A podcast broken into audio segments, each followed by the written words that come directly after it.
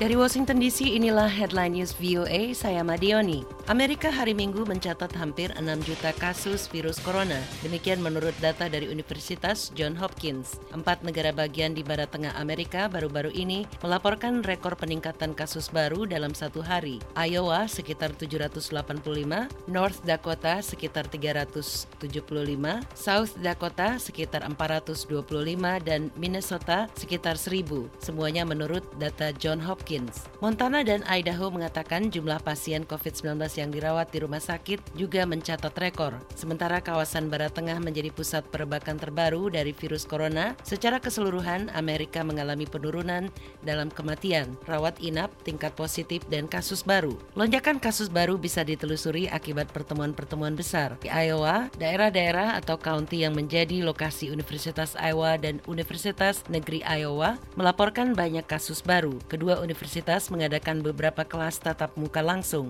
Infeksi lainnya ditelusuri akibat balap sepeda motor tahunan di Sturgis, South Dakota, di mana di South Dakota saja terdapat 88 kasus. Puluhan ribu peziarah muslim Syiah yang sebagian mengenakan masker dan sarung tangan hari Minggu membanjiri Karbala di Irak untuk memperingati Asura dalam salah satu pertemuan keagamaan terbesar di era virus corona. Asura pada hari ke-10 bulan berkabung Muharram memperingati terbunuhnya cucu Nabi Muhammad Hussein pada pertempuran Karbala pada tahun 680 Masehi, momen yang menentukan dan memicu timbulnya perpecahan dalam Islam. Biasanya jutaan warga Syiah dari seluruh dunia berbondong-bondong menuju kuil berkubah emas di kota suci tempat jenazah Husin dikuburkan untuk berdoa dan menangis saling berdekatan satu sama lain. Tetapi dengan lonjakan jumlah virus corona di seluruh dunia, peringatan tahun ini dibatasi. Sejujurnya tahun ini tidak seperti peringatan tahun-tahun lainnya yang dihadiri jutaan orang, kata Fadel Hakim yang pagi-pagi berjalan di sekitar kuil itu dengan mengenakan masker medis biru menutupi dagunya, menonjol karena hanya ada sedikit orang.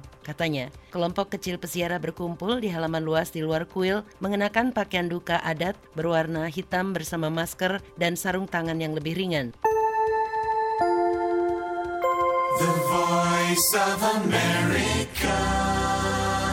Bertentangan dengan kemauan Tiongkok, delegasi yang dipimpin Ketua Senat Ceko, Milos Fistril, hari Minggu tiba di Taiwan dalam kunjungan selama enam hari. Kunjungan timbal balik tingkat tertinggi antara kedua negara untuk memperkuat hubungan ekonomi dan budaya. Para pengamat yang berbicara kepada VOA mengatakan kunjungan tersebut mengungkapkan banyak hal terkait diplomasi koersif atau diplomasi disertai paksaan dan ancaman Tiongkok yang gagal di Republik Ceko, meskipun masih harus dikaji apakah negara-negara Eropa lainnya akan mengikutinya untuk bisa berdampak luas. Republik Ceko menganut kebijakan satu Tiongkok, tetapi mempertahankan hubungan tidak resmi dengan Taiwan. Ini akan menjadi kunjungan untuk menghormati mendiang Presiden Ceko, Vaclav Havel, kata Fistril kepada 89 anggota delegasi menjelang kunjungan itu. Menurut Kementerian Luar Negeri Taiwan, Havel mantan penulis drama adalah Presiden Ceko pertama pada tahun 1993. Ia menjalani hukuman penjara selama bertahun-tahun karena pandangan politiknya yang berbeda yang menjunjung aktivitas sipil, demokrasi langsung, dan hak asasi manusia, nilai-nilai yang menurut Virgil gagal dilaksanakan oleh Tiongkok.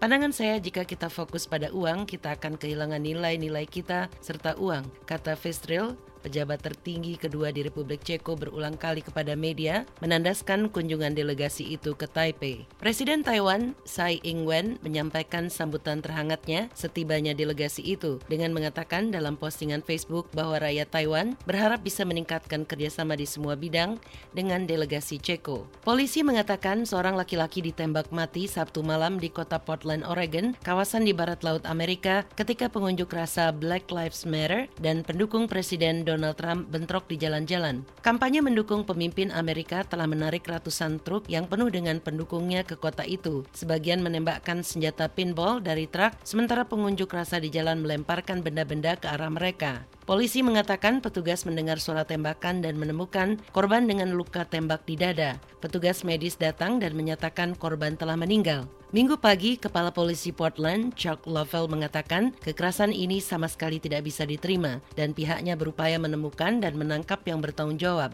Para saksi mata mengatakan laki-laki kulit putih yang tewas itu memakai topi dengan lencana Patriot Prayer. Sekian headline news VOA Washington, saya Madioni.